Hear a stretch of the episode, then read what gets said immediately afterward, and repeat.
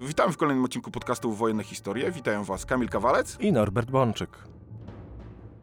Druga wojna światowa była największym oraz najkrwawszym konfliktem w dziejach.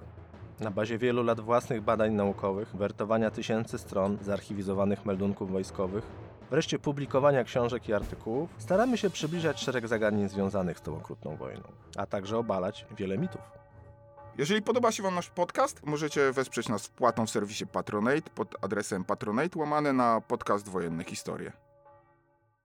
Norbert, porozmawiamy dzisiaj o komandosach Hitlera, czyli o jednostkach specjalnych, które słynęły ze spektakularnych akcji na zapleczu przeciwnika, ale nie tylko, bo też na, na zapleczu swoich sojuszników. Lub byłych sojuszników. Lub- Dokładnie. Co takiego charakterystycznego było w tych niemieckich siłach specjalnych? Czy one różniły się dużo bardziej od sił specjalnych aliantów? Tak, tutaj można powiedzieć, że niemieckie jednostki specjalne miały swoją specyfikę i była ona jednak odmienna od podobnych, czy właściwie nawet niepodobnych formacji anglosaskich na ten przykład. Samo sformułowanie komandosi Hitlera, zapewne jakiś purysta by nam to wytknął, no bo jednak to określenie komandos, prawda, komando to jest przynależne jednak brytyjskiej wspólnocie narodów i oddziały komando to były jednostki brytyjskie, ale w gruncie rzeczy to słowo komandos przeniknęło do języka potocznego i stało się takim synonimem żołnierza wojsk specjalnych. Kiedy mówimy o tym pojęciu niemieccy komandosi, to też doprecyzujmy, bo jednak rozmawiamy sobie o jednostkach, o pododdziałach bojowych, tak? Nie będziemy tutaj rozmawiali o służbach specjalnych, no bo jakby wywiad, kontrwywiad to jest y, osobna historia i możemy jej poświęcić inną audycję. Nie będziemy rozmawiali o tych pechowych szpiegach wysyłanych do Wielkiej Brytanii. Nie, nie, nie, bo szpiedzy wysyłani do Wielkiej Brytanii, czy równie pechowi szpiedzy wysyłani na przykład do Stanów Zjednoczonych na pokładzie okrętów podwodnych, to już jest jednak domena wywiadu. W czasie II wojny światowej istniał spór, jak traktować oddziały specjalne. To znaczy, jeżeli one występowały w mundurach, cecha charakterystyczna, jeżeli żołnierze oddziałów specjalnych przybierali się w mundury armii przeciwnika, no to wtedy nie chroniła ich konwencja genewska i zgodnie z prawem byli właściwie ludźmi spod tego prawa wyjętymi. To kończyło się dla wielu żołnierzy sił specjalnych w przypadku schwytania do niewoli przez przeciwnika rozstrzelaniem na miejscu albo po pewnym czasie. Tego doświadczyli wielokrotnie żołnierze, na przykład brytyjscy komandosi. Tego samego wielokrotnie również doświadczyli komandosi niemieccy. To może przedstawmy bohaterów naszego odcinka. Konkretnie. Pokażemy takie dwie jednostki, a właściwie najbardziej znaną jednostką specjalną była jednostka, która nosiła miano Brandenburg. To znaczy Brandenburczycy to była jednostka specjalna wojsk lądowych o charakterze właśnie komandosów. Były to pododdziały, niewielkie grupy bojowe przeznaczone do działań sabotażowych, dywersyjnych, dalekiego rozpoznania. I jakby Brandenburgczycy byli najważniejsi dla wojsk lądowych. Natomiast paradoksalnie największą sławę w II wojnie światowej wyniosły oddziały specjalne SS. Zresztą dosyć improwizowane, bo tak naprawdę składające się bynajmniej tylko z SS-manów, ale często o mieszanym składzie z żołnierzami z wojsk lądowych. Tak zwani komandosi z korzennego, tudzież z korcennego, tak? Gdzie, gdzie najsławniejszą, tak, tak zwaną najsławniejszą akcją niemieckich komandosów, jeżeli już zapytamy o najsławniejszą akcję niemieckich komandosów w czasie II wojny światowej, to zaraz wszyscy powiedzą, no odbicie Mussoliniego. No właśnie mówiłeś, że to jest chyba o tyle sławna, co paradoksalnie mało krwawa akcja. Znaczy, to jest... Niezasłużenie sł- sławna. Znaczy, to jest y, klasyczny przykład, y, jak y, propagandowo można wyzyskać tak naprawdę wielkie nic. Problem z tą akcją polegał na tym, że Włosi e, nie stawiali oporu. To znaczy, najpierw inne oddziały niemieckie opanowały dolną część stacji kolejki linowej, w wyniku czego garnizon budynku, gdzie był przetrzymywany Mussolini, otrzymał polecenie nie stawiania oporu i nie otwierania ognia. I w tym momencie dopiero lądowały szybowce z niemieckimi strzelcami spadochronowymi, ale co ciekawe, zresztą to nawet nie byli przecież komandosi SS w większości, tylko to byli e, żołnierze Luftwaffe, którzy byli szkoleni do desantów przy użyciu szybowców. Nietypowością tego było to, że lądowano jednak na bardzo trudnym terenie, na niewielkiej powierzchni, ale gdyby Włosi stawiali opór, gdyby Włosi otworzyli ogień, to ci Niemcy, łącznie z, z sławnym Skorzenem, zostaliby po prostu wystrzelani, a, a Mussolini mógłby zostać zastrzelony przez Włochów wówczas. No, Ale Włosi się na to nie zdecydowali z wielu różnych powodów. Chociaż Mussolini tak mocno ryzykował tam życiem podczas tej akcji, stojąc w oknie i machając do skorzynego. Tak, tak. Znaczy, znaczy w dużej mierze tą relację znamy z powojennych propagandowych, autopromocyjnych wspomnień samego Skorzenego, kiedy wołał Ducze proszę odejść od okna i inne tego typu opowieści. No, do wspomnień tego komandosa Hitlera należy jednak podchodzić z bardzo dużą ostrożnością. W ogóle do wspomnień większości tak zwanych niemieckich asów podchodzić należy z bardzo dużą ostrożnością, bo czy to tak zwany największy, najlepszy pilot II wojny światowej Hartmann bynajmniej nie zestrzelił tylu samolotów, co twierdził. Rudel na swoim sztukasie nigdy nie zniszczył tylu czołgów, co twierdził. Połowa sukcesów Skorzenego, złam jego książek i wspomnień, to tak naprawdę powstała na tym papierze, na którym to opisywał. Jednak tutaj on podpiął się pod y, akcję w dużej mierze oddziałów y, Luftwaffe. Oczywiście miał też swoich ludzi, a potem zachował się bardzo nieprofesjonalnie, bo kiedy przyleciał Fi-156 samolot krótkiego startu i lądowania, aby tego Mussoliniego zabrać, to on też jako trzeci wpakował się do dwuosobowego samolotu. No, no upartego trzy osoby mogły nim lecieć, ale jednak zważywszy na warunki terenowe, gdzie ten samolot startował de facto w terenie górskim, no to było to bardzo niebezpieczne. Chcesz powiedzieć, że to był najbardziej niebezpieczny moment tej akcji? Tak, ja myślę tak, tak, że Skorzeny wsiadający do tego samolotu z Mussoliniem, to dla Mussoliniego w tym momencie chyba był najbardziej niebezpieczny moment tej akcji, zdecydowanie. No to zostawmy na, na, razie na boku tego skorzennego, a wróćmy do jednostki Brandenburg, bo ona tak naprawdę nie jest znana, a mimo wszystko to była prawdziwa jednostka komandosów. To była specjalna jednostka komandosów, przede wszystkim wykonywali działania specjalne na tyłach wroga lub na przedpolu własnych wojsk. Często pod przykrywką, czyli przebrani w mundury żołnierzy obcych armii. Najbardziej takimi znanymi działaniami Brandenburczyków to były działania w roku 1941, kiedy grupy przebrane za żołnierzy Armii Czerwonej jako pierwsze przenikały granice, dążyły do opanowania ważnych mostów, twierdz, przejazdów kolejowych itd., żeby albo ich bronili, albo ich wysadzali, w zależności od sytuacji. Oddziały specjalne niemieckie spotykamy już w czasie przygotowywania operacji inwazji na Czechosłowację w 1938 roku. Specjalne grupy komandosów y, niemieckich przenikają do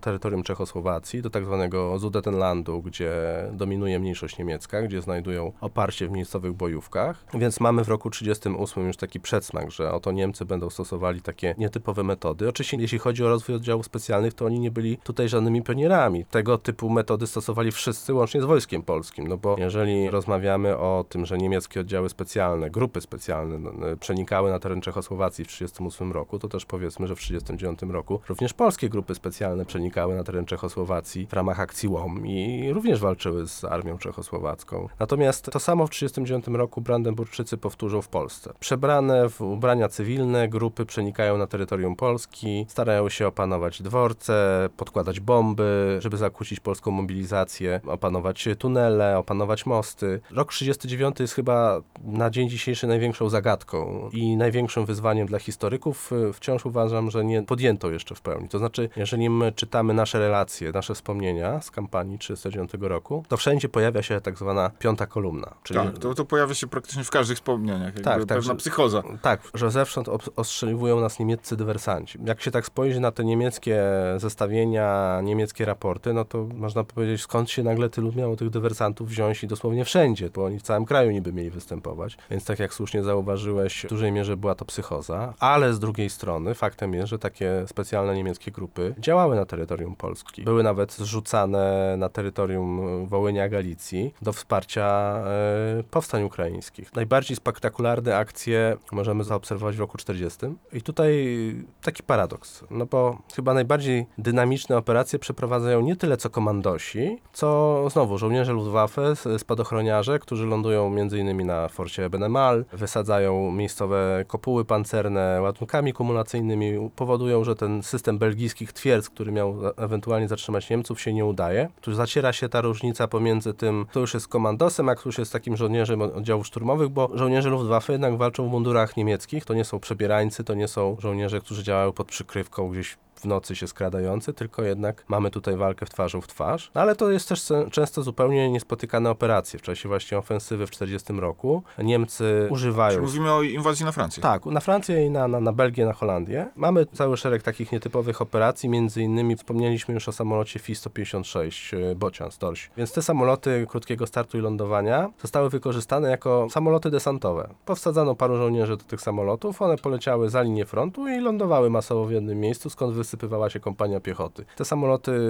robiły za coś, co potem uznamy za desant praktycznie śmigłowcowy, z tą różnicą, że jak one już tam się tak masowo lądowały, to w większości nie mogły już wystartować. No ale szybkość i sukcesy niemieckie sprawiały, że to ryzyko się Niemcom opłaciło. Czyli nagle widzimy, że Niemcy stosują bardzo różne metody działania, no takie na pograniczu sił komandowskich i na pograniczu walki jednak z otwartą przyłbicą w, w mundurze własnego wojska. No tutaj tak podałem kilka takich przykładów sukcesów, prawda? Ale jeżeli tak przyjrzymy się bliżej działalności niemieckich grup specjalnych, to jednak się okaże, że te ich sukcesy w takich czysto specjalnych operacjach, kiedy działamy w sposób skryty, kiedy naszym celem jest pokonanie przeciwnika w sercu jego twierdzy, kiedy niewielkimi siłami chcemy naprawdę zniszczyć strategicznie ważny cel, to tutaj niemieccy komandosi nie odnieśli w czasie II wojny światowej specjalnie dużych sukcesów. Chyba musimy znowu wrócić do Otto Skorzenego i na przykład próby zabicia Tito. Tak. To skończyło się tylko kompletną klapą na przykład. I właśnie to jest dobry przykład tego, czym różnią się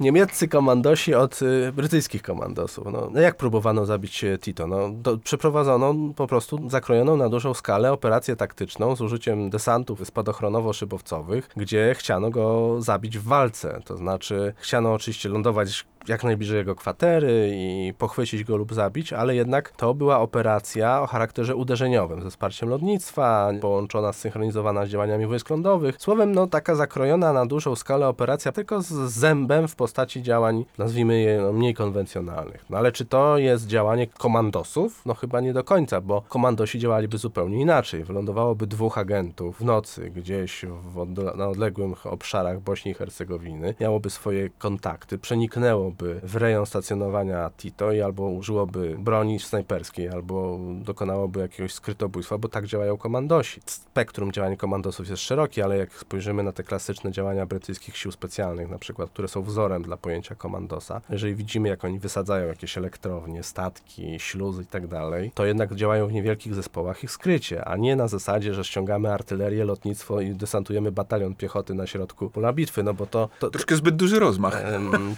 tak, troszkę zbyt duży rozmach, który powoduje, że wszystko wokół nagle ożywa, a cel wie, że jest namierzany. Tak więc to nie było skuteczne działanie i Niemcy próbowali właśnie takich bardziej klasycznych operacji i one na ogół im zupełnie nie wychodziły, no bo A co masz na myśli? Jakie operacje na przykład? no, na przykład parokrotna próba zabicia Stalina przez niemieckich komandosów. Wszystkie te operacje zakończyły się kompletną katastrofą. Dla Niemców oczywiście, nie dla Stalina. Taką klasyczną operacją jest nieudana operacja zrzutu prawdziwych niemieckich komandosów w nocy z samolotu niedaleko Teheranu w 1943 roku, kiedy próbowali zabić Stalina w ramach konferencji y, trzech mocarstw w Teheranie, ale tutaj mamy połączenie działań komandosów i, i wywiadu. Niemiecki wywiad był zinfiltrowany i właściwie zlikwidowany na terenie Iranu w dużej mierze, w związku z czym alianci już wiedzieli, że szykuje się desant niemieckich komandosów i po prostu wszystkich tych agentów no, wyłapano. Bardzo podobną, chociaż inną co do przebiegu, była taka operacja o kryptonimie Zeppelin 1944 roku, która też miała za zadanie zabicie Stalina, ale już w Moskwie, kiedy to Niemcy wysłali samoloty transportowe ze specjalnymi oddziałami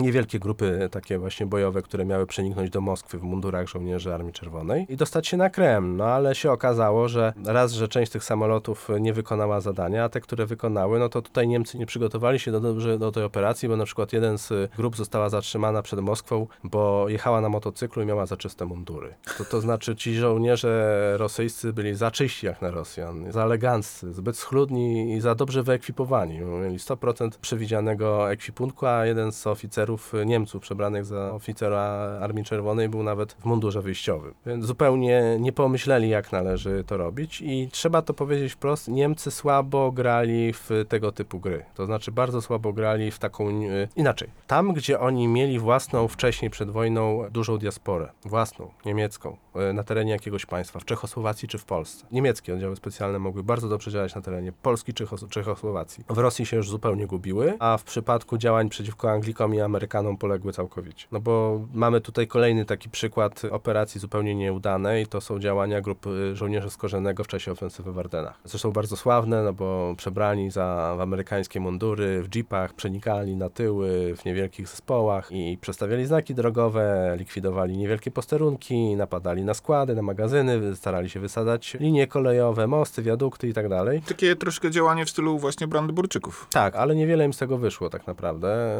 Większość tych grup została bardzo szybko wyłapana. Znaczy, wyszło i nie wyszło, bo kiedy Amerykanie się zorientowali, że mają mm, ludzi skorzonego na tyłach, a wtedy skorzeny już był sławny właśnie dzięki odbiciu Mussoliniego, no to wywołało to panikę. I to chyba rzeczywiście była największy sukces tej grupy, ale panikę, którą jednak Amerykanie byli w stanie jakoś kontrolować. To kiedy się czyta wspomnienia amerykańskich generałów, no to z perspektywy lat oczywiście to wręcz wydaje się śmieszne. No, z jednej strony tak naprawdę, kiedy się dowiedziano w dowództwie alianckim we Francji, to kazano Eisenhowerowi jeździć w samochodzie pancernym, no bo się bano, że na pewno oni chcą zabić Eisenhowera, chociaż dotarcie aż tak daleko było właściwie niemożliwe. Podobnie wielu innych amerykańskich generałów e, miało problem, żeby się sprawnie poruszać, bo jak to można przeczytać bodajże u Bradley'a we wspomnieniach, że musieli ciągle odpowiadać na różne dziwne pytania ze strony żołnierzy e, żandarmerii amerykańskiej, a to jak na imię ma żona myszki Miki, a to jak dana aktorka amerykańska, kto jest jej mężem i tak dalej, i tak dalej. No ale powiedzmy sobie to wprost, Amerykanie sobie z tym świetnie radzili i to nie był żaden problem, natomiast dla niemieckich komandosów to był problem nie do przejścia i wszyscy z tego de facto powodu stracili życie. Tutaj trzeba sobie zdawać sprawę, że ci żołnierze nie byli przygotowani do operacji, którą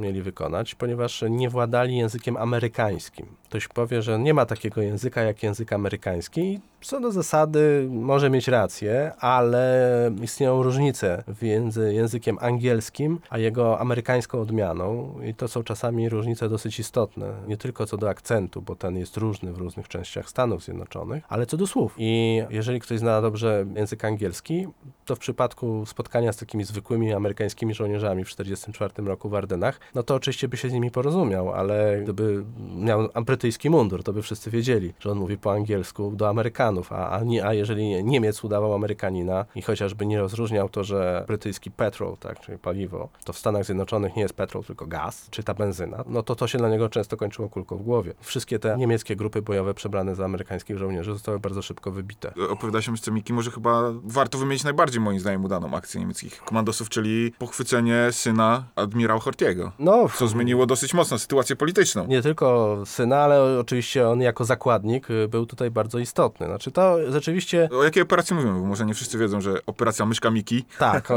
tutaj operacja Myszka Miki, a też operacja Panzerfaust, czyli e, operacja przejęcia władzy na Węgrzech. Węgry w czasie II wojny światowej były sojusznikiem Hitlera, ale postanowiły zmienić front i dwukrotnie Niemcy, raz w marcu 1944, a drugi raz w październiku 1944 roku, de facto okupowali Węgry, tylko za pierwszym razem nie spowodowało to jeszcze zmiany rządu, znaczy nie, nie odsunięto jeszcze admirała Hortiego, natomiast w październiku, kiedy Niemcy już się dowiedzieli, że Horti zamierza zmienić front, bo Armia Czerwona już opanowała Rumunię i zamierzała wkroczyć na teren Węgier, tych centralnych Węgier, no to wówczas właśnie pojawia się Otto Skorzeny. Niemcy wkraczają do Budapesztu, dokonują aresztowania regenta i jego rodziny i tak naprawdę zmuszają go do ustąpienia. Ta operacja zakończyła się sukcesem, tyle tylko, że tutaj trzeba powiedzieć, że to była taki, to był przewrót pałacowy, ponieważ władzę na Węgrzech przejęli skrajni węgierscy faszyści, w związku z czym część wojsk węgierskich pozostała im wierna, a część zaczęła się po prostu rozpadać. Część armii węgierskiej nie walczyła, potem część armii węgierskiej dalej walczyła u boku Niemców. Tak więc to był przewrót pałacowy, no ale